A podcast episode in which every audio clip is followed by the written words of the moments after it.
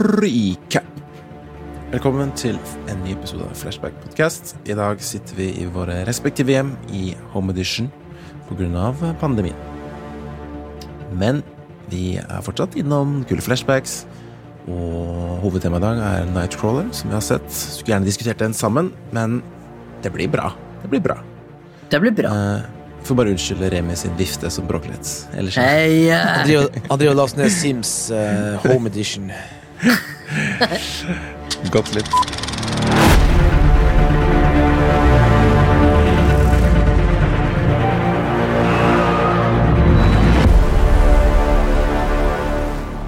And we are live at our home studios in Oslo. Velkommen, gutter og jenter, alle lyttere, Morten og Remi, til en ny episode av Flashback. En podkast om film og sånt. Mitt navn er Babatunde, og det er sykt ubehagelig å ikke høre min egen stemme i headsetet mitt, her som jeg sitter hjemme i Home Edition. sant nok. Det var uh, min gode venn Remi. Og så har vi en eh, person til, tror jeg. Inni, inni, inni samtalen. Ja. Ja. Sånn Joe her Goldberg. blir man altså av eh, koronatiltak etter et Ja. Trist. To år. To år. Nei, ett år. Ja, det føles som to. Jeg tror uh, Morten er inne på noe. Tre år. Ja. Hører du Ja, meg? det er jo Hallo, ja. Hallo. Vi hører deg. Ja, ja. Loud and clear.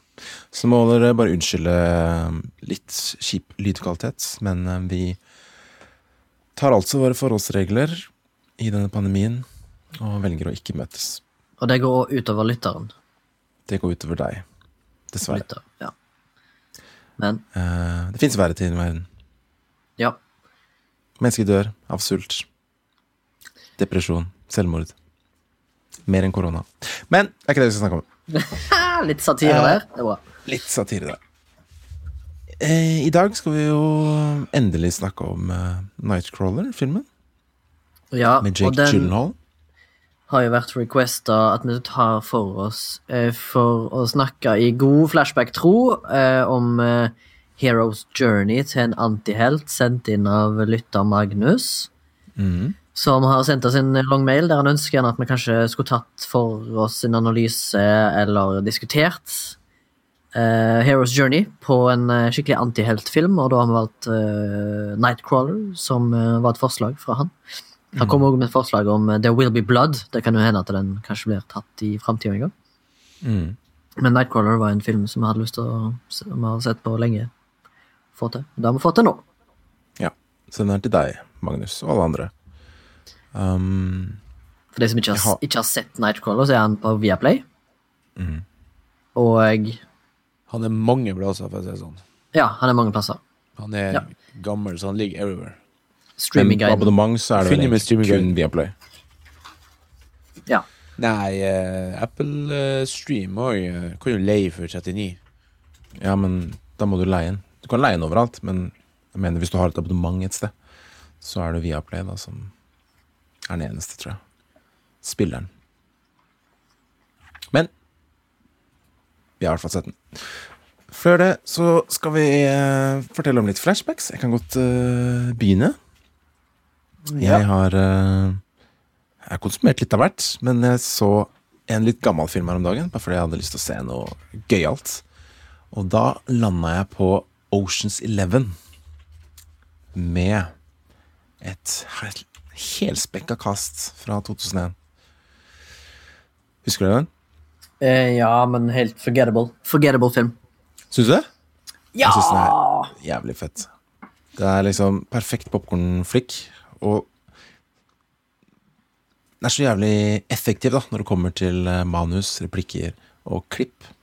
Og det leste et sted også, at liksom de Jeg vet ikke om det var klipperne, men han ville liksom bruke kortest mulig tid, da. Bare akkurat det som trengtes, liksom. Å få den informasjonen fram. Så du Oceans Eleven fra 1960, eller den fra 2001? 2001. Så det er jo remaken, antar jeg. Oh, ja. Av side for det er vel en eh, eldre versjon også. Men denne er i hvert fall av Steven Soderberg. eh, en slags en heistfilm med blant annet George Clooney, Brad Pitt, uh, Casey Affleck Herregud, det er så mange. Jo da, det er jo Julia Roberts, Matt Julia Damon, Roberts. Andre Garcia, Bernie Mac. Det er jo for meg full, fullspekka Hollywood. Ja, ja, det er helt, helt topp. Uh, og han der eh, som spiller War Machine, jeg husker ikke hva han heter nå. Det er kø egentlig. På Det er kø. Det er faktisk kø på kaffeautomaten. Men eh, den eh, jeg synes den er? For jeg husker at det, at det er eh, så mye bra folk. At, det Hva er sånn, ja? er det det du mener? Hmm? Ja, At det er så mye bra folk. Men den uh, syns jeg var um, Jeg mente å huske at jeg syntes den var så kul, så jeg måtte bare få Jeg ville bare se den igjen, rett og slett. Um, jeg har sett Oceans 12 og 13 nå, men jeg veit at de ikke er så gode. Uh, originalen ofte best. Så jeg har også sett den der nye Oceans 8 med den der fullspekka female-casten. Og den er heller ikke noe Kan ikke måle seg med det her. Nei, jeg har ikke sett uh, Jeg har bare sett Oceans Eleven, jeg. Egentlig. Lenge Trenger ikke å siden. se noe mer, egentlig. Den er, uh, Står, så er står den godt. Ja, stå står godt. Og så er det en sånn twist som funker da, i den filmen, liksom. Mm. Som jeg Selvfølgelig, det er sikkert noen logiske brister, men det blir det ikke. Det er bare sånn Hæ? Når den kom, så var det sånn What? Ja, det var så lenge siden, så jeg syns det var jævlig fett. Veldig gøy. Eh, Er det ikke. Oceans 12 og 13 òg? Ja, jeg liker det, men uh, det er ikke, jeg tror ikke det er det samme som den originale. altså. Du Ja. Og kanskje det som, er, som jeg syns er det beste med den 11, er at det, har liksom et, det er et hjerte i bunnen. da, For det handler om han som spiller George Clooney, liksom. Og det han egentlig vil oppnå, bortsett fra å robbe dette kasinoet, er jo å få ekskona tilbake. da. Eh, så liksom det handler om kjærlighet, da. Som er liksom pakka inn i en sånn heist-thriller, og det syns jeg er jævlig fett. Og det gir, det gir den det lille ekstra, liksom. Da er det noe mer enn bare Det handler om noe menneskelig, og det er jævlig fett. Ja. Det er det som ofte gjør en film. Det menneskelige. Det er det vi bryr oss om. Ja. Og den kunne man sikkert tatt uh, The Hero's Journey på, for den husker jeg tenkte på, liksom. Uh, fordi den, på en måte, den avslutt, filmen avsluttes ganske sent i filmen, så er det liksom Filmen er over liksom med plott og heist og sånn, men så kommer katarsis, da, og det er liksom det man bryr seg om. ikke sant? Hva skjer med Clooney og ekskona? Og det får du. Det er det siste du ser, og det er liksom det er det du husker. Eller det er ikke det du husker, men det er det som betyr noe. Det er vel en sånn det er. Ja, du husker Sånn- ikke selve innbrudd Altså, innbruddet husker du ikke. Det er liksom hva det gikk med folk. Mm. Så var min uh, litt lange flashback om uh, Oceans Eleven. Ligger på Netflix. Nice. Right. Jeg kan ta min. Eh, Jeg så en film som jeg syntes var veldig Gikk litt begge veier. Jeg synes det var bra i bottom line, men eh, kanskje ikke den beste og mest eh, effektive skrekkfilmen. Men jeg så The Invisible Man Ja, med Elisabeth Moss i hovedrollen. jeg har hørt mye bra om den. Um, den var jo for så vidt spennende og litt sånn kul til tider, men um, falt litt flat, uh, egentlig, sånn rent uh, emosjonelt. Du kan jo fatte at Eller filmen handler jo om uh, ei dame som rømmer fra en, uh, en vitenskapsmann, holdt på å si, som er en av verdens fremste uh, Hva heter det? forskere og utviklere på optics. Optikk. Eh, hun da rømmer fra et, eh, et forhold som er veldig negativt. Og destruktivt for henne. Hun blir på en måte eh, abused, som jeg ikke jeg husker kommer på hva heter på norsk nå. Misbrukt. Ja, hun blir misbrukt på det groveste i det forholdet og rømmer derfra. Eh, kommer seg til en venn. Eh, og jeg eh, ender vel opp med at hun får høre at eh, eksmannen da er, har tatt sitt eget liv. Eh, men han dukker selvfølgelig opp fordi han har jo eh, Eller han dukker iallfall opp i hennes liv igjen, da. I form av å være usynlig, og ingen tror på henne. Eh, så ja, jeg, kan vel kalle det en skrekk-thriller-aktig eh, Litt sånn spenningsfilm med litt sånn uh, Kall det gjerne en eh, feministisk edge. Men uh, litt flat uh, handling, men uh, jeg syns filmen var veldig underholdende, så anbefales egentlig sterkt. Hun er jævla god, hun Elisabeth Moss.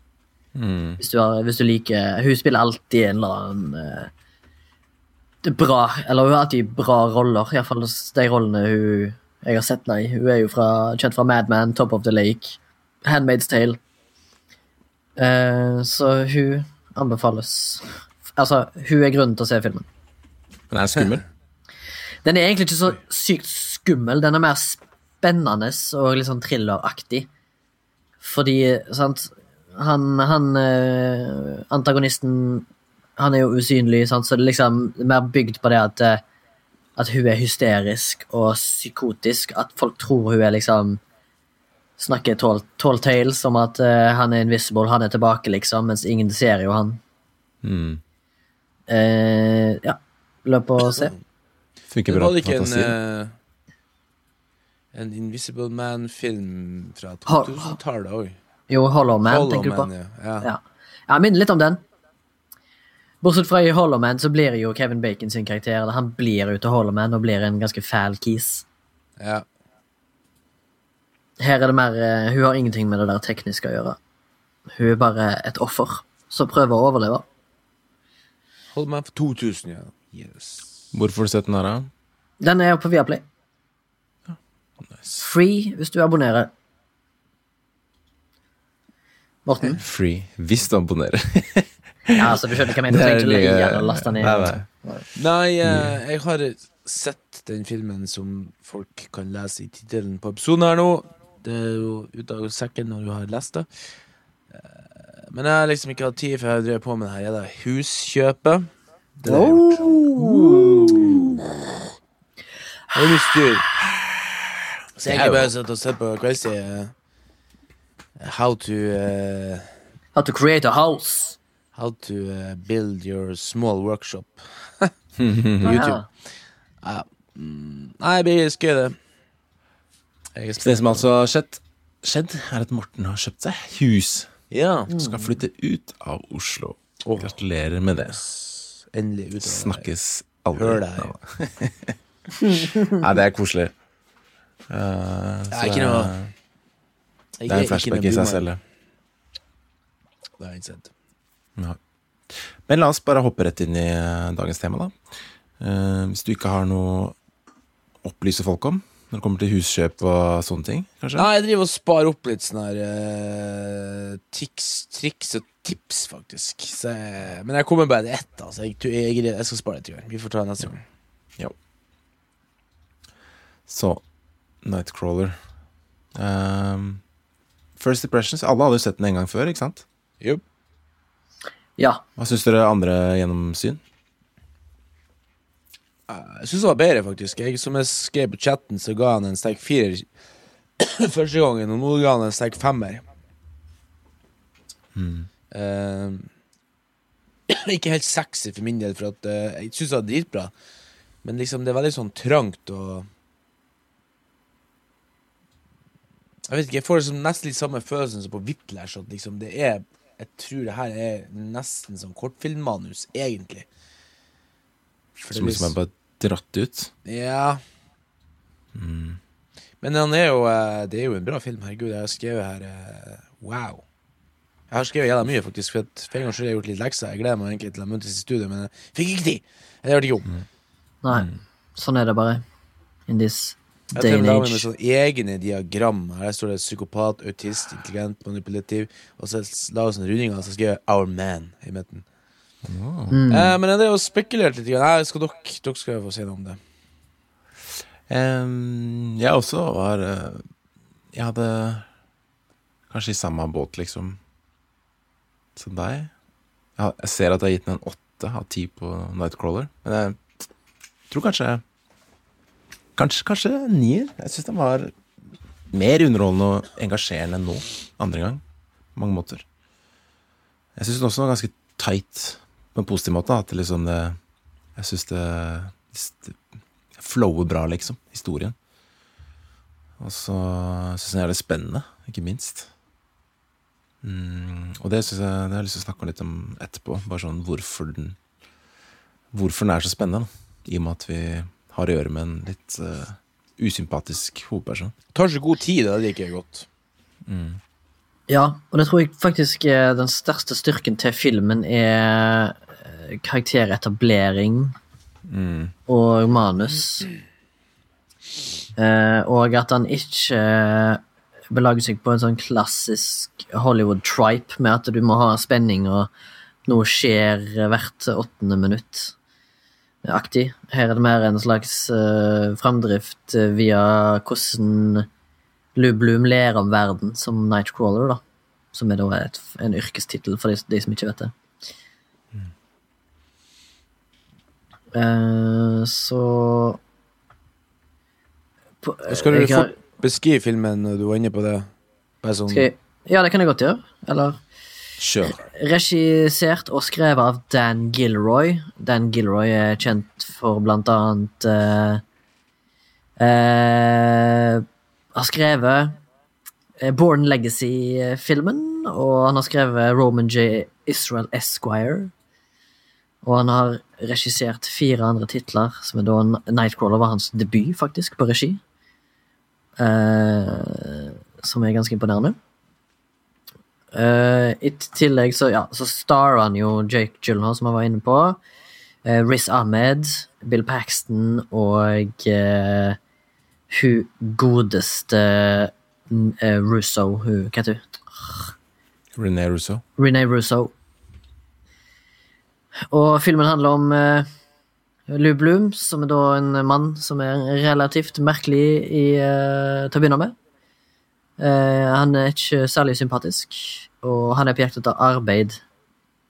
Og da får snusen i at det finnes et yrke som eh, går ut på å filme eh, nyhetsrelaterte hendelser for å så selge til nyhetskanaler i eh, Los Angeles. Det er vel egentlig det filmen handler om, og er. Jeg tror kanskje litt av grunnen til at jeg syntes det var bedre andre gangen, var for at jeg kanskje er satt med litt analytiske øyne fra starten av. Dette er en sånn film som Jeg tror ikke det ligger så veldig mye uh, under uh, Under, liksom, men det Jeg tror han er, har fordel at man følger litt med. For det er mye fine sånn bilder, litt sånn og Og hvis det er en, eh, en debut, så er jeg jo, blir jeg jo mektig imponert. Jeg ser han er 61 år gammel, den fyren. Det er litt sånn synd, for jeg syns han kunne Han burde jo få lov å lage flere filmer. Jo, jeg har sett at han har lagt en Jeg prøvde meg på den andre filmen hans som kom etterpå, eller et par år etterpå, den som heter Velvet Buzz Saw, som jeg tror er en Netflix-originalfilm. Eh, det var noe av det verste jeg har sett. Så tydelig at eh, Jeg tror han Etter faen jeg om han har uh, Nightcrawler var på en måte hans, sikkert hans uh, kjærlighetsbarn, kan jeg kalle det det. Og så har han kanskje blitt overkjørt resten, da. Uh, Men jeg er, litt, jeg er litt usikker. Men uansett, Nightcrawler er by far det beste han har gjort. Og regissert og skrevet, vil jeg si. Ja, syns du ikke de, Skrev han eller regisserte eller var det noe de første Born-filmene, eller de nye? Nei, den nye Born Legacy fra Ah, 2012. Ja, for han er jo Er han ikke broren til uh, Tony Gilroy? Jo. jo. Som er han som har uh, hatt regi på Born-filmen og Ja. Uh, skrevet det. Mm, Jopp. Jo. Nei, Stemmer. fått skrevet, ikke hatt regi. Han hadde regi på den siste. Born Legacy. Ok, Ja. To the chase her nå. Eh, Da har jeg lyst til å starte med, hvis jeg får lov å kjøre i gang Treskverket. Ja. Min, Ja. min faste er bare- jo Bare, bare si til uh, lytteren at vi kommer til å spoile filmen. Så Ja. nå har du Mm. Fra nå av utover blir spoilere. Eh, da har jeg lyst til å starte med det jeg bruker å starte med. da Første bilde. Husker dere det var? Aller aller første bildet? Ja, det var av Det er av natur, mener jeg. Nei. Byen? Nei? Nei. At han klipper opp et fjerde. Nei.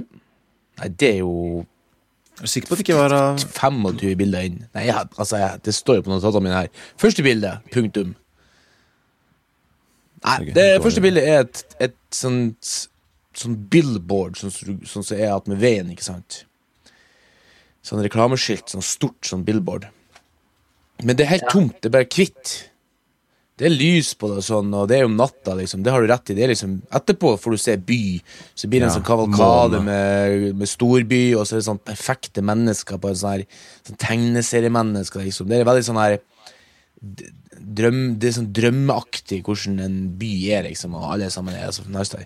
Så jeg tenker sånn jeg Det er får, natt, ikke sant? ja, jeg får veldig sånn bilde av det der med reklameskiltet, liksom. Det at nyheter og sånt, det er sånn som vi skaper.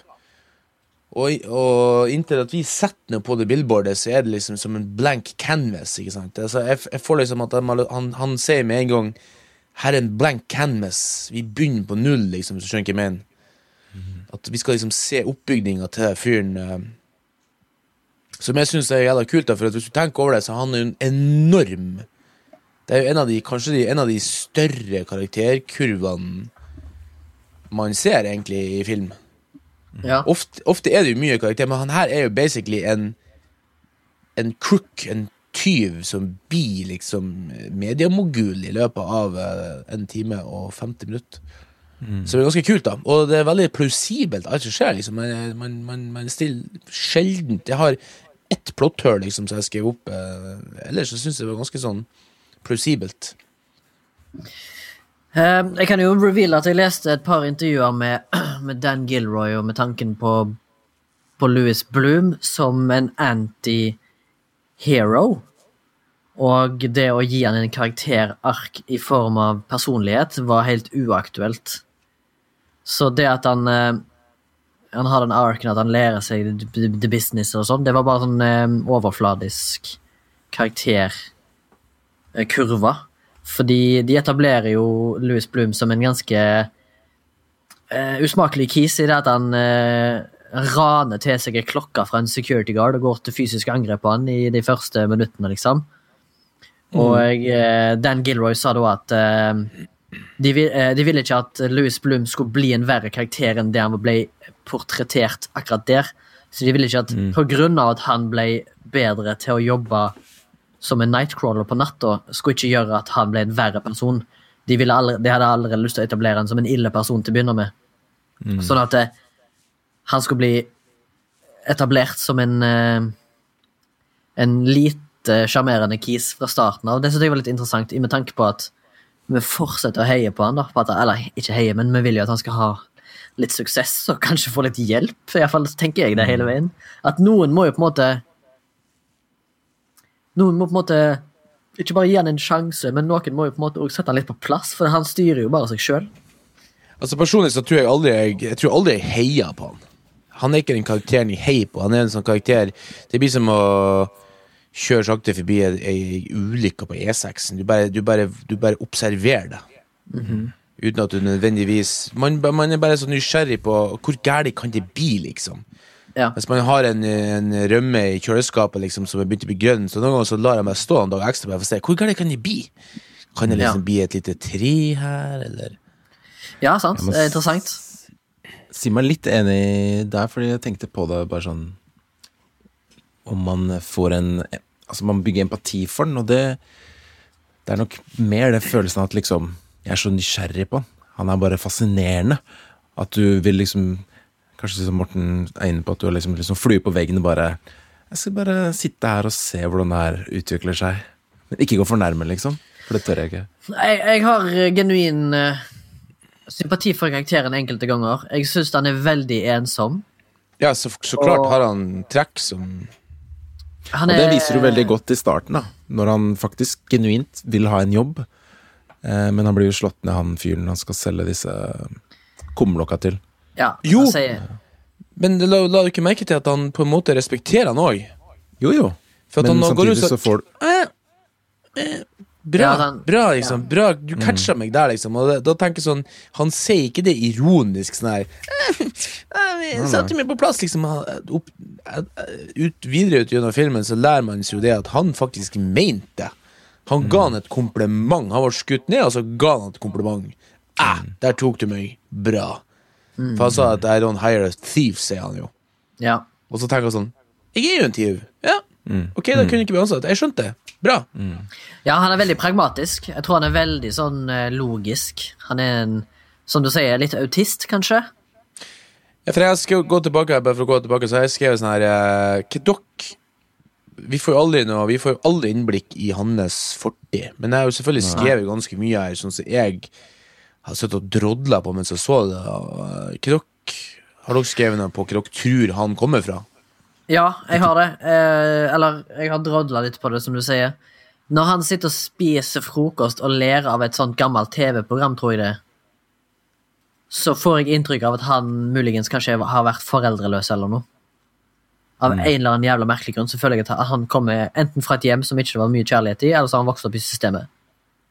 Jeg har skrevet ned at han eh, at- jeg ser litt på han som en litt sånn eierløs hund. For da Ja. vet jeg at de, de brukte Hele looken hans er jo liksom sånn coyote. Mm. Han er liksom sånn veldig tynn, og øya stikker ut, og Han blinker Så- sjeldent. Ja. øh, og på den måten skal man få litt sånn syn i han enkelte ganger, fordi han, han prøver liksom å finne brødsmuler, da. Til å få, finne mening i livet, liksom. Eh, få livet til å gå rundt. Jo, men samtidig så er han med, liksom. han er jo en ødelagt person, da.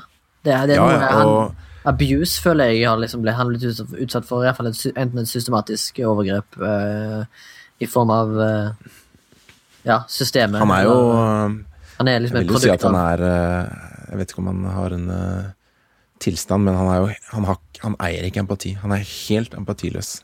mm, Han, han har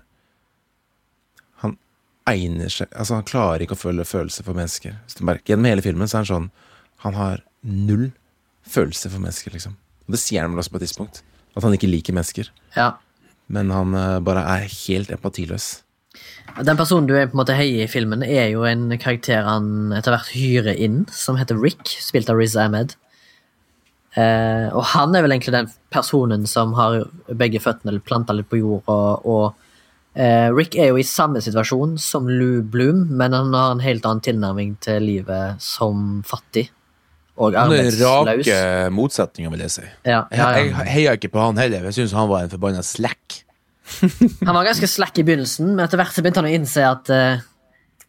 Jeg fikk så jævlig vondt uh, av han i den scenen når han skal uh, eh, Når Riz Ahmed skal eh, diskutere lønn, lønnsforhøyelse. For hele tiden så har det jo vært den derre han, han tar jo bare det han får, liksom. Og så har han, får han én sjanse, da, og så tør han ikke å ta i, liksom. Så han, du ser han sitter der bare sånn Uh, uh. Og da Da fikk jeg vondt av fyren, da. Nei, det jeg har skrevet, er jo at han er en grepa fyr. Det er jo det jeg begynte med. Eh, For at han har jo ikke noe problem med å vresle ned en sånn vakt med både kølle og eh, pepperspray ikke sant? for å få det klokka si. Og han har jo tydeligvis gjort det ganske bra, for at han får jo klokka og gjerdet. Og han var jo bare begynt på å klippe det gjerdet, så liksom, han betydde at han måtte jo svime fyren eller knyte han fast eller whatever.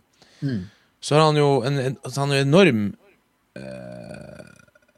han er veldig or ordensmenneske, som vi ser i leiligheten. Liksom. Det er ingenting som står på feil plass. Han stryker skjorta si, og da når jeg så den stryk skjorta-greia, så tenkte jeg automatisk Forsvaret. Og når dere sier barn eller sånn foreldreløs, så begynte jeg sånn Ja, kanskje litt sånn, for i Amerika har man jo sånne bootcamps for um, spesielt vanskeligstilt ungdom, da.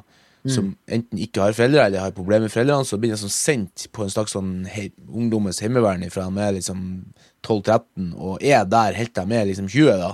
Det er som en utdanning, på en måte. Det tenker jeg. Og der blir du på en måte trena litt opp til å være liksom kynisk og spekulativ, ikke sant. Og kanskje han har vært så jeg på, Kanskje han har vært eh, i utenlandstjenesten, at han er nesten litt sånn skjellsjokk, at han har vært så skada av å være i krig. da, For han er jo en voksen gutt, ikke sant. Altså Når du er 24 år i USA, så kan det hende du har vært på tre utenlandsoppdrag allerede. Og så er han jo helt Det er som å si, han er jo eh, Har jo Ikke bare har han ikke noe liksom medmenneskelige greier, men han har heller ingen Han, han, han reagerer ikke. Altså Helt i starten på filmen, når vi etablerer liksom Nightcrawler-tematikken, da, så så sier jo det her er rett etter at han eh, skraphandleren, eller han der fyren, og kaller han for en, for en tyv, da. Så kjører han på veien, og så kommer politiet. Og da tenker jo alle sammen Rett etter at du har vært kalt tyv, så kanskje du liksom skvatt litt til når politiet kommer med sirene bak deg, men han bare ser rett fram, helt åndssvak, holdt på å si, han, han, eller åndsflat. Han ender ikke politiet, liksom, før de har passert han. Og så tenker jeg sånn, Det var en interessant scene, for der følte jeg at han ønsket å fortelle mye. For du kunne, du har ikke trengt å ha med det inni bilen, at politiet kjører forbi han. For det er ganske, det er ganske mange sekunder med liksom ting som egentlig ikke forteller noe annet enn Jeg Som må ha noe et eh, narrativ ved seg. da. Jeg tror han forteller det at han er ikke han er han politi, At han, han ser ikke engang eh, han, han er ikke redd politiet engang, da. Og da stopper de jo, og så da ser vi det at han andre fyren der filmer det der eh, folk Og det er Bertha som krasjer, ikke sant? Og da blir han veldig så imponert Han blir veldig imponert over at han er så proff, han der fyren. Han er veldig så opptatt av eh, Jeg har skrevet her at han kanskje er på søken etter en farsfigur. Han er på søken etter eh, inkludering. Han, vil, han ønsker å inkluderes og bli anerkjent, ikke sant? sånn som vi alle sammen er på utkikk etter. eh, Importance of being important. Og så har jeg også Ja. skrevet parentes kanskje etterretning, for han er ganske god sjåfør òg, hvis vi tenker på det senere i filmen. Det er ingen som stiller spørsmål at han basically blir en rallysjåfør, liksom. Hva han har de egenskapene fra? God å slåss, rallysjåfør, jævla god på uh, koder og sånn her, ikke sant. Så jeg, jeg ser for meg at han har jobba kanskje i noe etterretning i, sånn her, i, i militæret, altså. Og så er han jo uten tvil veldig intelligent, og så er han jo både kanskje autistisk, men også Autist, ja. psykotiske trekk. da, At han er For det er jo den at du mangler evnen til å liksom sette inn i andre sine følelser. ikke sant? Ja. Han blir jo ikke lei seg, uansett hvem som dør på filmen, så blir ikke han lei seg, liksom. Til og med han der kompisen som han hadde med seg, han ble liksom blæsa der, så bare sånn ah, 'Nå skal jeg filme deg', liksom. Husker du også scenen hvor han eh, stryker skjorta, og så ser han på TV, og så ler han av det, eh, det TV-greia han ser på. Ja, det, Så snur han seg liksom i rommet, Ja. som om han liksom leter etter noen Eller liksom Det var morsomt, ikke sant? Bare Ja, sånn. det, det var der jeg fikk inntrykk av at han kanskje liksom del av systemet. Men selvfølgelig har jo jeg gjort litt research da, på å funne ut om Dan Gilroy har hatt en intensjon bak uh, ja. hans eh, bakgrunn. Og visstnok så har Dan Gilroy ikke hatt noen intensjon med hans eh, backstory. Og når klipperen John Gilroy skulle klippe, så har han eh, ut, Klipperen har uttalt i et intervju at eh, han har aldri vært med på å klippe en film der en karakter bare kommer ut av intet. Altså en karakter som ikke har noe backstory. Og eh, John Gilroy, klipperen, hadde ingenting å gå etter. Og han, han fikk heller ikke noe informasjon av, um, av Dan om uh, hvem Lou Bloom var. Så det er liksom veldig rart at vi begge, alle tre har nesten en sånn oppfatning av at han, han har en bakgrunn fra noe, liksom. Ja, men vet du hvorfor? Nei. Har noen, noe noensinne blitt skapt ut av intet? Universet. Nei, Altså, selvfølgelig. Jack eh, Gyllenhaal er jo proff. Han har skrevet seg en backstory. Ja, garantert. Det anbefalte jo og dem også på filmskole sant, at selv om det ikke var laga en backstory, så men det liksom, det er litt av jobben til en skuespiller. Og både klipper og regissør har jo tenkt på noe når de lagde det, ikke sant? Ja, ja. Om så Det var har de ubevisst. Ja, ubevisst. Men det er ganske fascinerende at de aldri i filmen bruker det. Måtte. Eller Ja, men det er det, som er det, det er det som er gøy med dette filmmediet, med denne filmen her. Vi har alle sammen en liksom sånn forskjellig oppfatning av hvem Lou er, og hvem han har vært. Og det er jævlig interessant, for jeg har ikke tenkt på den, den tingen som, som Morten sa om at han kan ha vært eh, involvert i, i Forsvaret. Og ha, han kan rett og slett ha skjellsjokk, det er derfor han er så uempatisk. Det er jo jævlig interessant, faktisk, når jeg tenker meg om nå. Så I tillegg så er det jo at han, må jo, han må jo opparbeide seg den kunnskapen han har om de tingene han har. sant? Han er veldig interessert i det der politikodegreiene og lærer seg veldig kjapt det. Han vet liksom hva alle de greiene der er, bare ved litt Google-søk. Han lærer seg alt ganske kjapt, og han kan mye om bil. Han, han saboterer jo bilen til han uh, Bill Paxton sin karakter. Han Han har jobba som mekaniker, sa han en gang. Ja, ok. Så, så det kan jo være i Forsvaret, da. for eksempel. Liksom det der å ta, ta informasjon og så i sekundet etterpå bruke det som om at du har kunnet det hele livet, sånn som gjør han selger den sykkelen han stjeler. Det føler jeg er litt sånn Det er litt sånn etterretningstjeneste-vibes over det. Litt sånn en pretender. Mm. Og du kan veldig fort sette inn i det. Men husk at han viser jo følelser én gang. Når da? Når han er alene i speilet. Ja, der, ja. Det er, jo det er to ganger, da. Men andre gangen er jo når han skal sende inn den filmen til hun Bertha. Så blir han sånn Så begynner han å pusse sånn her. ikke sant? Det blir helt sånn her det er det, det, De som eneste gangen jeg ser han blir skikkelig så engasjert, liksom. Når han står baki på For det, jeg tror kanskje han allerede der kan du si tenkt alle brikkene framover i tida. At ok, nå skal jeg ikke ta med skiltnummeret på den bilen, for det skal jeg finne, og så skal jeg rapportere dem inn, og så blir det en shootout, og så på en måte han sjukt god på og strategi, da. Ja, og så er han så kalkulert også. Han er så slu. Ja. Sånn som måten han uh, lurer uh, han Riz Ahmed på slutten, da. Er jo liksom hans, Og ikke bare det, men liksom setter opp de der eh, Eller den siste nyhetsanker eller saken han lager, da. Stager. For han går jo liksom fra å filme ting som har skjedd, til å faktisk stage ting, da. Som Ja, er litt ja, og det er litt interessant med tanke på Hvis du ser på Rick, eh, og hvis du ser på Lou, og så ser du på hun Nina Romina, eller hva hun heter Mm. Alle tre er sånn classic sånn dog eat dog LA-type people. Som er bare ute etter seg- eh, å redde seg sjøl, og bare ute etter oss egne interesser. Har dere merka det? Mm, ja. Jack Gyllenhaal er jævlig er interessert like i- gæren som han. Å bygge makt og bygge sitt eget, eget imperie og penger. Han er veldig glad i penger. Nina er veldig eh, gra... Eh, eller Nina har neglisjert sine egne etiske og moralske verdier innenfor journalistikken for å heller selge groteske bilder fra virkeligheten som en slags sånn porno, liksom, for uh, folk som sitter med morgenkaffen sin og skal se på nyhetene og hva som har skjedd i LA i løpet av natta. Og Lou han er jo også ute etter seg sjøl, og han begynner jo på et tidspunkt å blackmaile Lou. Hvis ikke vi ringer til politiet angående disse her to gangsterne, så skal jeg, jeg skal ha halvparten, liksom. Han begynner å forhandle sterkt, og allerede der bestemmer liksom Jake seg for å kvitte seg med han. For å få hele penge, pengesummen sjøl. Så egentlig så er det ingen good Ja, er det det? Jeg tror ikke det er derfor. Hva da? Jeg tror ikke det er på grunn av at han skulle ha halvparten av pengene. Jeg tror det var på grunn av at han bruka eh, Han gjorde det på en u... Altså, gjorde det på en sånn måte som han sjøl brukte på andre, liksom. Mm. At han innså det at eh, jeg er ikke lenger eh, alfa-wolf. For lag merke til at det, er veldig, at det var to-tre ganger så gikk en sånn litt sånn, litt sånn douchey sånn ulvereklame igjen på TV-en i bakgrunnen. Mm. Og ulver er jo veldig sånn der eh, At han har hierarki, ikke sant? Mm. For det er så kult at hun eh, Hun dama der, Mm. som dere har nevnt, hun var, jo, hun var jo på en måte ganske lik han på mange måter. Ja, ja. Absolutt.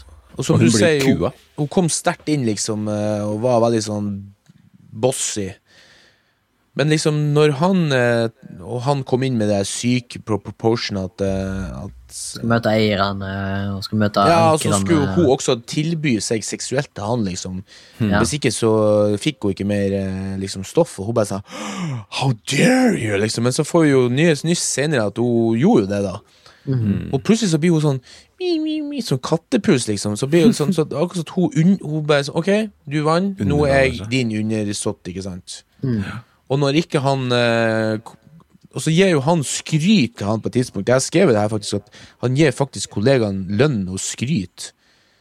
Men når han liksom da eh, ikke aksepterer det liksom, og liksom går videre, så, blir, så følger han ikke reglene som er liksom satt. da Han er veldig opptatt av reglene, han her fyren der. Og da bestemmer han seg for at han kan ikke, han kan ikke jobbe for meg lenger, Ja, liksom. jeg, jeg, vil, jeg, vil, ok, tenker du på at Lou Bloom er interessert i regler? Ja. Ja, Ja, altså, han er jo men, veldig regelstyrt. ja, han er veldig regelstyrt på andre, men ikke seg sjøl. Han manipulerer jo Han manipulerer jo stories for å få scenene til å se mer groteske ut. Han flytter på lik, han flytter på bilder for å og han, er, han sier jo sjøl at han er jævlig opptatt av framing, liksom. Ja, Så men han det er jo ikke- sjøl juks, jukser, men han forventer at alle andre skal følge reglene. Som han Når du ser hjemme til han, så bryter han jo ikke regler. Jeg var Mens han, i det også. hans premiss er eh, Jeg skal vinne, koste hva det koste vil, men liksom når du forhandler lønn, ikke sant, så ser han det du, Name your, name your sum, ikke sant? Og så da mener han så oppriktig. Jep. Ja, ikke sant? Han mener Ja. oppriktig det han sier. Han er, han er faktisk ærlig på en, på en Ja, ja. veldig rar måte. Så er han helt ærlig. Ja. Og så sier han en greie, og så skjønte Rick at faen, jeg kunne fått mer, liksom. Men Så da er det, er angrer han seg. ja. Og da er det ferdig når vi avtalte. Ja. Men, så, Avtale er en avtale. men så begynner han å bryte den avtalen, ikke sant? og da klikker han. Ja. Det er derfor i starten han sier sånn at jeg ansetter ikke tyver, så blir han sånn ah, Yeah, I like a man with uh, rules. Ikke sant? Principle. Han, han respekterer faktisk han der sjefen som ikke ansetter han, liksom. Ehm, og det er også Det sier han også på helt til slutten av filmen, når han ansetter det nye crewet sitt, at liksom Jeg vil ikke be dere om å gjøre noe jeg ikke ville gjort selv, liksom. Og det tror jeg han faktisk mener. Mm. Han går foran som et eksempel, på sin måte, da. At det Han er veldig pliktoppfyllende, liksom. På en fucka måte. Og så sier han jo til han der eh, kompisen at tro meg, det er, det er farlig her i bilen, sier han jo når han ikke vil gå ut av bilen der på et tidspunkt, Ja. rett før de har shootout. Jeg tenkte sånn, det var jo en dobbeltsetning, så Kanskje litt on the nose, men uh, Men det var et jævla kult bilde også inne der i, i TV-huset der, litt sånn før den scenen der, da. Der han, han kommer opp til det store shootouten i det der eh, suburb-huset, så så tar han i handa til hun der dama, liksom, og de shake hand, liksom. Og da, da har de en sånn bilde i bakgrunnen, da, er liksom sånn Bilde av byen. Ja. Og så ser han sånn It looks so beautiful from here, liksom. eh, ja, det ser så ekte ut. Ja. Og da på en måte, da når han liksom shakes sånn der, så på en måte så fikk liksom han byen, hvis du skjønner hva jeg mener. Da ble han liksom kungen, da. Der, Ja. liksom. Yes, thank you. Here's the keys to the city, liksom. Jeg synes det var en kul scene. Det, det hadde ikke noe mer det, det er jo litt sånn on the nose, det også. For jeg føler at liksom sånn eh, Når du på en måte sier det samme med to bilder, så er det veldig fint gjort, men det er liksom Det blir liksom bare det, da. Det blir, det blir liksom ikke så For meg blir det ikke så, det ikke sånn dypt, det blir ikke fint. Veldig, det er filmkunst, kan du si, som vi snakka om for noen episoder siden. En annen interessant ting jeg la merke til som en jævlig fin detalj med filmen, for å understreke hvor jævlig dedikert Lou Bloom er på å oppnå suksess, er når du ser på hvordan de andre nightcrawlerne som han lærer på en måte av, da, eller som, som han på en måte observerer for å lære om yrket, så ser han hvor mye de sliter med å få inn penger og, og oppdrag og sånn. Så. Du ser liksom den første han snakker med Eh, Den første han møter, er jo en sånn Først er det Bill Paxton, og så er det liksom sånn Hva er det dere gjør? Nei, vi selger videoshit, liksom. Og så er han jo med en annen fyr som han ødelegger et bilde for, og han, han er med liksom på en telefonsamtale der han diskuterer lønn, og han snakker liksom om klipp som er verdt sånn 300 dollar, sant? som sikkert er nesten ingenting for deg. Og så ser jeg liksom når Louis Bloom, liksom, montasjen på at han liksom har en en hel mappe med masse klipp som han har laga, så plutselig kjører han en splitter ny Dodge Charger, liksom. Og i tillegg så får du den på slutten av at han har oppretta et firma med flere ansatte, og det er jo på en måte, det hadde jo ingen av de andre Nightcrawlerne som han, har på en måte gått over, da. Så ser du liksom, det er et, det er jo et tydelig bilde på hvor god uh, Bloom er enten på jobben sin eller å manipulere bilder av the actual matter of facts, liksom. Jo, det var jo bare han Joe Loader og han Bill Paxton som fikk to biler, men han sørga jo for å sabotere det. Det var kult når han så filmen, liksom, han lille Knekk nakken, liksom. Mm. Og han er helt sånn stoneface. Han var jo sammen med, med Rick når han døde. Ja, for Ja, ja. Hva syns dere om det? For det er jo en scene i slutten hvor han er inne hos politiet. For det var noen ganger jeg tenkte sånn, faen, Han må jo skjønne at det her virker litt rart. fra Jo, men det er liksom faktisk lovens skrevet hånd. at han ser ikke forskjell på skryt av medarbeidere og politi, har jeg skrevet. For at ja. når han er inne der, han, når han, han viser de der eh, klippene der, så er det sånn ah, Somebody at the police It's, it's me! It's me! It's blue! Ja. Og så, så, så bare, og så, alle, du ser alle sammen hva liksom de snur seg liksom og sier hva faen er det som feiler han? Hvorfor innrømmer han det så? Men han, han står og gliser, liksom. Han er kjempefornøyd. Liksom. Ah, mer oppmerksomhet, liksom. Så oppmerksomhet for oppmerksomhets skyld er liksom det han bryr seg om. Ja. Ja, eller eh, at, at folk eh, Setter pris på Eller folk ser han, rett og slett. Ja, det er kvalitet, liksom, det han gjør, da. Ja. Og det er jo Fordi- som jeg skal gjøre, det er jo samme, det er jo samme psyken som en psykopat. da, At en, en seriemorder Han elsker jo også Og han, han er jo ofte Og han oppsøker jo ofte åstedet for å se liksom det at Å, se her, ikke har jeg satt i gang nå, liksom. Ja. Man er nesten stolt av det du har gjort, ikke sant? Mm. Ja. Selv om det er på, på, både på godt og vondt. ja, det er jo helt utrolig bra skrevet karakter. eh, For det karakteren er, så er det jo en utrolig bra tolka og skrevet karakter. Og jeg syns alt passer perfekt med han som karakter. Både kostyme, sminka, han sjøl. Framingen. Altså bare, bare bruken av kameraframing, som da Lou Bloom er sjøl interessert i. Så er han jo på en måte nesten en rake motsetningen, kanskje. I noen scener så er han så isolert fra de andre, fordi han står alltid for seg sjøl. I tillegg så er han er med, han er med i alle scenene. Det er ikke én scene i filmen han ikke er med i. Uh, men liksom når han blir Når han blir frama i en total, så han, står han alltid for seg sjøl. Uh, bortsett fra når han På en måte når en scene bytter energi, da. Så er han jo Da blir han nært. Men han, han begynner alltid isolert, og det synes jeg er veldig interessant, fordi det, han er jo en unik karakter som står for seg sjøl. Han er noe for seg sjøl.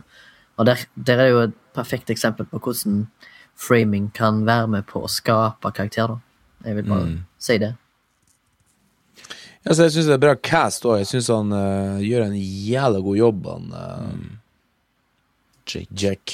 Jake Gyllenhaal. Jeg syns det er så interessant at liksom Bare få se liksom på personligheten hans, da, fordi uh, på slutten så blir han konfrontert av en uh, detektiven og sier at 'Jeg tror du lyver', ikke sant. Du uh, Du liksom Du så Your employee die, liksom. Og så svarer han bare sånn Ja, that's Yes. my job. I'm I, that's what I do, liksom. Ja, han sa 'he died doing what he loved', sa han. Ja, og jeg, jeg tror nesten Nesten at Fordi en hvilken som helst annen eh, person som har litt eh, si, hodet på plass, da, om moralske og etiske prinsipper, ville jo Hvis du kom inn i det huset, for eksempel, der det var shootout, ville jo prøvd å ville jo ringt politiet, liksom. Eller henta Søkt for hjelp, eller prøvd å hjelpe til på en eller annen måte. Forhåpentligvis. Eh, Jeg synes Noen ganger tenkte jeg på at det er litt sånn gøy eh, En gøy parallell til dagens samfunn med sosiale medier og liksom man skal filme så mye dritt, da. Men han sier også i det intervjuet liksom at eh, Nei, jeg venta på ambulansen fordi jeg er profesjonell, og de vet hva de gjør, liksom. Jeg tror liksom han også mener det, at liksom, dette er ikke min jobb. Min jobb er å filme folk. Og Ja. det er reglene, liksom. Det er spillereglene mine. Jeg gjør min jobb, og det er det riktige. Som også er litt sånn fucka, da. At han lever liksom i denne A4 Jeg kan, jeg kan, jeg kan skjønne det, at, han, at når han sitter der, liksom, så mener han ja. Og han har jo sett to av hans makkere dø. Liksom. Han har filma de dø, liksom. Og den ene fyren i huset var jo ikke død heller. Han ser det jo på et tidspunkt at Ja, One han guy wasn't dead. Så det er litt sånn som Ja, det er liksom hans verdensbilde, da. I hans verdensbilde så Han har faktisk skrevet ned noe som Dag Sørås sa i går eller i dag på en podkast som han refererte til noen andre har sagt, og jeg skulle spørre tilbake, men det ble ikke tid. Men jeg noterte ned i arbeids... eh, på en planke og tok bilde av. Um, Kan vi legge ut en bildet, kan vi legge ut en bildet på, på Instagram? Eller passer det ikke? Vi får se. Måt, altså, måten et foretak er bygd opp på, er liksom eh, nesten litt samme som en vi omtegner eller betegner en psykopat. På grunn av at eh, egeninteressen til et firma går foran alt. Ja. Og når han sa det, og han forklarte det i forbindelse med noe, så tenkte jeg sånn, faen, det er jo nesten som å høre han beskrive eh, han her um, Louis Bloom, da. Mm. At hvis du tenker på det sånn, så egeninteressen til han går jo foran alt. Han, han, han setter liksom alt på sida for å, for å For det han, eller de interessene han har, kan du si, eller de, det han har sett seg målsettingene sine. da. Men jeg vil nok si eh, For å prøve å svare Magnus, da, for det, jeg bare leser definisjonen på en antihero. Jeg skal bare lese det høyt. An antihero or an antiheroine is a main character in a story who lacks conventional heroic qualities and attributes such as idealism, courage, and morality. Although antiheroes may sometimes perform actions that are morally correct, it is not always for the right reasons, often acting primarily out of self interest or in ways that defy conventional ethical codes. Ethical codes. Så under Ja. den definisjonen så vil jeg si at han er det. For han er jo kun selvinteressert. Interessert i sine egne mål. Og er ikke etisk eller moralsk korrekt. Sett Ja, fra definitivt. vårt perspektiv. Uh, og Men det har jeg også hørt, liksom, at uh, Sorry, ikke for å avbryte, men ja, jeg skal bare For å spinne tilbake til liksom starten. Da, liksom, om man, hvorfor jeg syns det er spennende, er vel fordi at jeg er så, jeg er så spent på hva, hvor langt han er villig til å dra ting. da Litt sånn som uh, Walter White, liksom. At du liksom bare sånn Hvor ille kan det bli? Ja, for jeg så en sånn eh, Jeg drev og så litt på mens en av Discovery Channel var eh, bra. Så det jeg må på med en sånn her eh, serie som heter for um, Evil. Da. Altså, Fins det evil? Is what is evil? Eller sånn. Da intervjua de jo alle de der gjenlevende verste morderne i, i verden. Veldig mange i Amerika. da Jeg tror det er mest for at de er jo mer glad i å prate på TV-en. Men eh, han ene fyren der, han var jo sånn både sosiopat og psykopat og whatever. Han har jo fått alle betegnelsene. Han var jo selvfølgelig lynende intelligent, intelligent da. Men han hadde jo sånn her Han, var også veldig sånn prinsipiell, da. Han kjørte for eksempel aldri for fort. Jeg kunne ikke bryte loven, liksom. Og det er liksom paradokset han liksom har drept og spist liksom 15 eh, folk, liksom. At, eh, at for han så å kjøre for fort var liksom Det var liksom, ble liksom feil, da. Så de, de har jo ofte sånne premiss, prinsipper de følger. Altså, Jeg skal ikke si at han ikke kjørte for fort, men du skjønner ikke mener, at han hadde i hvert fall Han hadde en slags sånn Jeg på å si et slags reglement han fulgte. Selvfølgelig brøt han jo, men uh, Jeg syns han er en god sånn uh, beskrivelse av en psykopat, egentlig. Mm. Men det er jo sånn kanskje for at vi nå analyserer en film som er egentlig er ment for å underholde, så blir det litt sånn, men jeg bruker å si at eh, som regel har jo Det er en baktanke med alt. Men har dere hørt eh, historien om han derre åh, Ted Bundy? Ja. Ja. Og jeg husker jeg så den dokumentaren, og han også er Han er liksom veldig sånn ordentlig og Det er liksom Det er mye på en måte som er gåstein korrekt, da, men så er det disse andre tingene som bare er sånn What? Så jeg tror nok at eh, psykopater har en eh, I don't know. I don't fucking know. Jeg vet ikke. Det er bare noen likheter her som uh, Det er skummelt, da. Det er det. Det er bra. Bra skrevet. Det uh. Det eneste det plottholdet jeg skriver på, det er jo razzia hjemme. For jeg tenker sånn at uh, ja, når politi, hun, politietterforskeren ble mistenksom i starten, så kunne jo bare ta en razzia, for han hadde jo PC og alt utstyr hjemme der. Det har jo ikke vært noe problem å finne den filmen av bilskilt og sånn på et mye tidligere tidspunkt. For at eh, når du får liksom et trippel homicide oppe i Hollywood Hill, ikke sant, så tror jeg nok det ikke har vært så vanskelig for en, eh, å få den dommer til å skrive ut en, en razziaordre, liksom. Ja, enig. Men jeg har lest litt på det greiene der, for det, var, det, er to, det er to scener som har fått kritikk. Det er den scenen av politiets håndtering, og den andre scenen er den restaurant, Chinese eh, restaurants shootouten. For de hadde visstnok politifolk som var liksom eh, eh, advisors. Altså, hva heter det på norsk? Eh, bakemester. Advisors. Er det bakemester? Bakemester. Advisor. Rådgiver. Ja, de hadde politi politirådgivere på sett som eh, skulle gå gjennom den scenen i shootouten, sant? Yep. Og det, som, det, det de ville ha gjort, er ikke det som skjedde i filmen. Eh, men det som, har skjedd, det som skjedde i filmen, har skjedd før. Men pga. det som skjedde i filmen, så har de gått over til andre rutiner når det gjelder sånne ting. Innringere som ringer inn og sier at det er noen væpna folk på en restaurant. Så ville nok eh, den første patruljen gått og stilt seg i en posisjon og venta på backup. Ja, ikke sant? Ja, men, eh, men så var det en politimann som sa i gamle dager så var det gjerne sånn at du ikke hadde innblikk i restauranten. Men akkurat nå er det jo veldig heldig med en restaurant som hadde svære panorama i vinduer. Men eh, i virkeligheten så ville kanskje no, de hadde sendt inn eh, to stykker for å bare acte som om de skulle bestille lunsj. I, for å liksom se over området, og så godt ut. Og så hadde de full force inn. Det, det var liksom, Så de gjorde et kompromiss der. Og det var kun basert på at de fant ut at de hadde heller lyst til å bygge litt sus suspens istedenfor å gjøre det realistisk. Fordi eh, For det første så jeg tror jeg det gagner filmen på en bedre måte, og for det andre så er dette her en film. Det er ikke reality, liksom. Så ja, jeg er enig i at det er noen plot holes, eh, men på samtidig så føler jeg at det ikke gjør noe, for det, det gagner filmen. Jeg, jeg, tenkte faktisk ikke så mye over det der shootouten i så måte. Jeg tenkte sånn at uh, det her er litt sånn her stakkato, nesten litt sånn som han.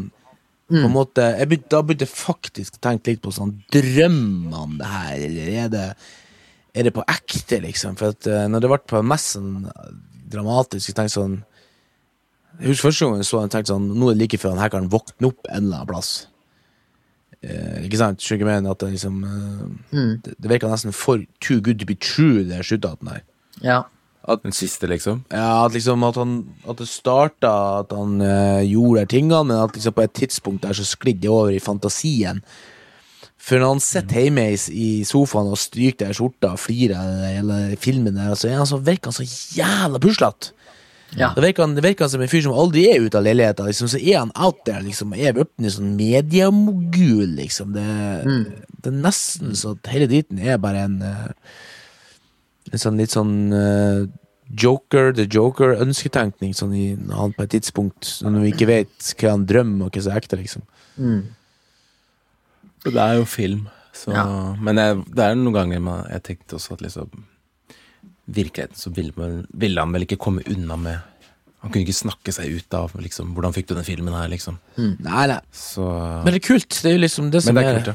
det som er slags fantasi. det er Dag, dag, dagdrømming for oss òg. ja. Se sånt.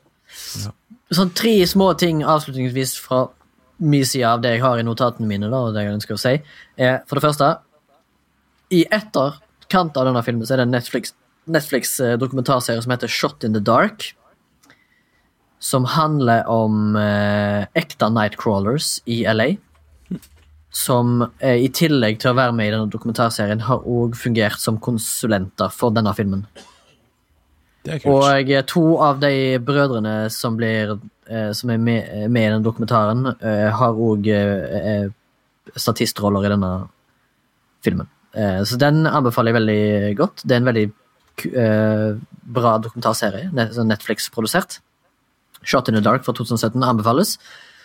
Så tilbake til filmen, så vil jeg ønske å si i hvert fall det jeg har, er at uh, Dan Gilroy sin ambisjon, eller hva jeg skal kalle det, om, uh, om hva filmen på en måte betyr, om det betyr noe for han, eller om det er liksom hva han prøver å si med filmen, så har han sagt at uh, han ønsker gjerne å stille liksom media til retten da, med denne filmen om, om er det så jævla viktig å se på så groteske bilder som mulig, for det, hans kritikk er retta strengt altså mest mot eh, lokale nyheter i LA-regionen, som da er interessert i å vise sånne bilder.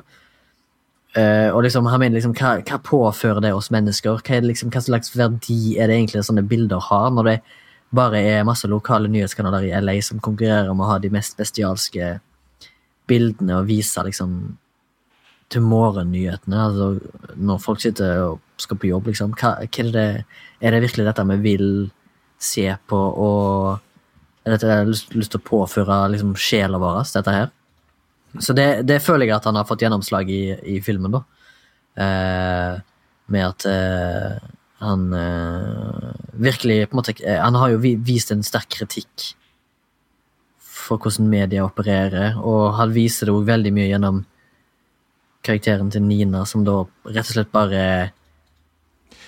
Altså forlate sine egne etiske liksom- og moralske verdier når det gjelder journalistikk, for heller satse på sensasjonalisme, liksom. Det blir sånn clickbait. Ja, det blir clickbait. Flest, flest mulig klikk, på en måte. Mm. Og for å avslutte det, med Lou Bloom, og man har en karakterark og liksom At det greiene, så føler jeg heller den personen som forandrer seg mest, er, mest, er faktisk Rick, selv om han har minst på en måte, sendetid, hvis du skjønner. Mm. Eh, bortsett, sånn rent bortsett fra at Lou klarer å bygge seg fra rags to riches, da. Men han Han forblir den samme hele veien, liksom, hvis du skjønner? Mm. Det er jeg er uh... interessant. Og det er jo et sånn typisk Jeg vet ikke om det er samme på en måte anti-hero eller antihelt eh, som i eksempel Taxi Driver med Travis Bickle. Jeg lurer på om Travis Bickle har mer en en form for utvikling. Ja. Eller hvis vi tar andre Du var inne på Walter White. mm, Der kan du- Ja, der har du en gigautvikling som du kan, fors du kan forsvare hans valg i desperasjon, mens på et tidspunkt så tipper bare begeret over, og han har ingen vei tilbake. Han er bare den han er, liksom. Mm. Mens her så føler jeg at Lou Bloom er den han er fra starten av, og det er akkurat det jeg prøvde liksom å si innledningsvis, og var in faktisk intensjonen til de som har laga filmen. Å vise at han ikke har noen spirituell character arc, men han har mer en sånn strukturell character arc. Som jeg syns er veldig interessant for en film, da. Mm. Og i tillegg til at liksom som Morten var inne på, vi pleier jo som regel å heie på karakterer som er mest relaterbare, eller som går gjennom den største forandringen. Sant? Kanskje fra bad to good, den slags. Men, men samtidig så sitter vi igjen her med en ganske jævlig bra film, som er superunderholdende og utrolig engasjerende. Det, Av et eller, av en eller annen merkelig grunn så føler jeg at denne filmen er veldig unik på akkurat det. Mm. Enig. Jeg sa jo innledningsvis at han hadde så stor en eh, ark, men når du ser det, så kanskje han ikke hadde. At han er kanskje lik, i hvert fall personlig. Personlig så er han det, men Men Ja. plantmessig har han han, i hvert fall en stor ark. Ja, ja, ja, han går jo fra rags to riches. Han går jo fra det, altså, Bare det der byttet med bilen er jo sjukt symbolskt. Han Ja, går fra en han Toyota Corolla eller hva faen han kjører, til en to, eh, samme årsmodell som filmen kom ut i Dodge Charger, liksom. Men det virker som han ikke er så opptatt av pengene, for du ser at han bor i samme leilighet. og Ja, det gjør han jo faktisk. han kjøper bilen pga. at den er rask, i hovedsak. Ja, ja, ja enig. Ja, det er faktisk et ja, godt poeng. Han vil komme han så er fort. Jeg vil si han er opptatt av penger, for han, han er veldig hard på På pengedealinga, da. Ja, men Er han hard er på pengedealinga, eller er han hard på det han føler han fortjener? Ja, det er Ja, det kan du si. Men det er en interessant scene med, etter han får bilen, hvor eh, han eh, Rick er litt slurvete med å fylle på tanken. Det er klikker sånn- han jo. Ja, Ja. Og det er også sånn ja, psykopattrekk. Men han, som du sier, da, han har kanskje Han har ikke, han har ikke noe stor inn, indre utvikling, men veldig stor sånn ekstern utvikling, hvis man kan dele på den måten. Da. Mm. Og så har han liksom gjort liksom ut av det at han de film, Det er veldig mange scener der han vant blomsteren. Ja. Ja. Som er liksom en litt sånn weird greie at liksom eh, Det er der de prøver å gi litt humanitet, men Tror du at de prøver Tror du at de prøver å vise at han, eh, han bryr seg ikke om mennesker? Han bryr seg mer om planter enn han bryr seg om mennesker? Ja. Kanskje. Altså, du det er, jo bild, det er jo flere bilder, og du tenker sånn Ja, ok. Ja, det er det jeg mener. Jeg tror filmen er jævlig rik på bilder og symbolikk. Uten at jeg helt har skjønt alle. Han tar jo vare på noe, liksom. Mm. Er? Jeg vet ikke om de er ment å gjøre noe mer enn å gi deg en følelse. Det tror jeg de gjør ganske Ja. bra. Det er liksom det at eh, eh, Når han vann blomster, tenkte jeg sånn, da er jo i hvert fall han ikke helt død inni seg. ikke sant? Mm. Mm. Han bryr seg i hvert fall om et slags liv. Og så ser han det at han, han har hatt mennesker, men han er jo veldig opptatt av og samtidig å få anerkjennelse hos mennesker. liksom, så han er jo et flokkdyr på den måten, um, som, Ja. som hos alle andre. Men eh, jeg kjenner jo også litt sjøl at jeg gleder meg til å flytte ut av byen, for jeg, jeg er så lei uh, enkelte mennesker, da. Hmm. Er streberne som uh, Som traver rundt her og skal liksom være bedre enn oss andre. Hmm. De kan kysse seg langsomt oppi Rasshølet. Nordkjossporten. Mm. Alle prøver bare å passe inn i et eller annet. Fra sitt perspektiv. Noen prøver å være litt bedre.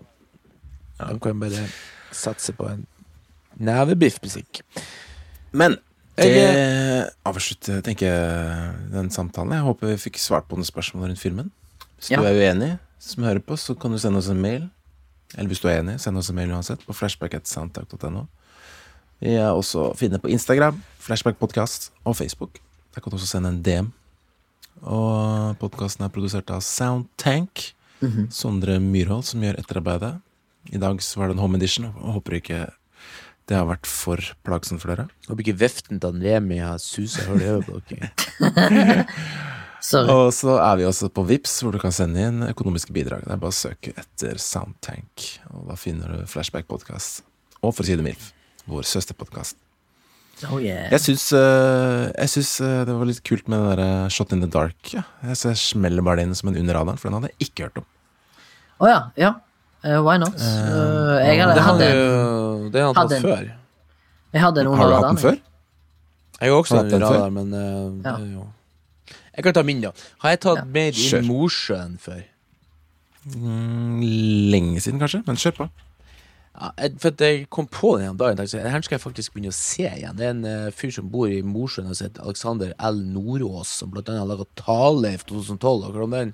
Jeg hørte om Tale, ja. Ja. Med hun der um, Det er liksom basert litt på det her uh, Huldra. At hun kommer og tar deg, vet du, med sånn Også Sirkel fra 2005, som var den første liksom, nullbudsjettsfilmen som vant Bergens internasjonale filmfestival. Den har jeg ikke hørt om.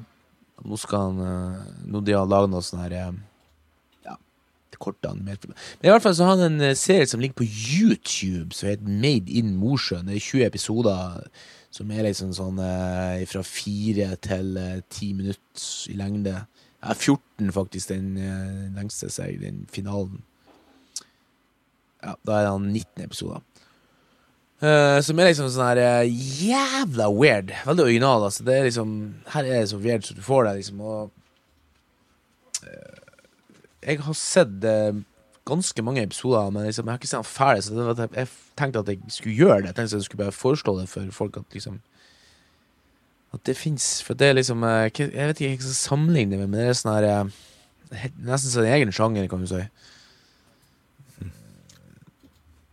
Ja. Og på engelsk, ikke sant? Ja, det er på engelsk. eh, så er det ganske mange sånn kjente skuespillere som er der, så det er sånn, sånn gøy, egentlig. Kult. Så det er liksom et, sånt parallelt, et slags parallelt univers, da. Med sånn folk med litt sånn magiske krefter. Og, litt sånn weird shit. For dere av oss som liker weird shit, så anbefaler jeg den. Ja, det er jo en, sikkert en del som hører på, som liker weird shit, inkludert meg sjøl. Og jeg hører på. Men nå skal jeg få skrive kjøpskontrakt, så eh, får de med unnskyldt. Å, helle mann, så kult. Ja, fy faen, det er så mye styr nå. Jeg er helt eh, på tuppene. Jeg stikker og spiller PlayStation fordi jeg er en ensom kis. Spiller du Warzone? Nei, det spiller jeg ikke. Da må du begynne. Da kan vi spille sammen. Kanskje. Jeg er Takk- ikke noe god. Jeg takk bare for- prøvde litt. Takk for at du hørte på, du som hørte på. Takk for at du hørte på. Ses neste uke. Hoi. Hoi. Oi.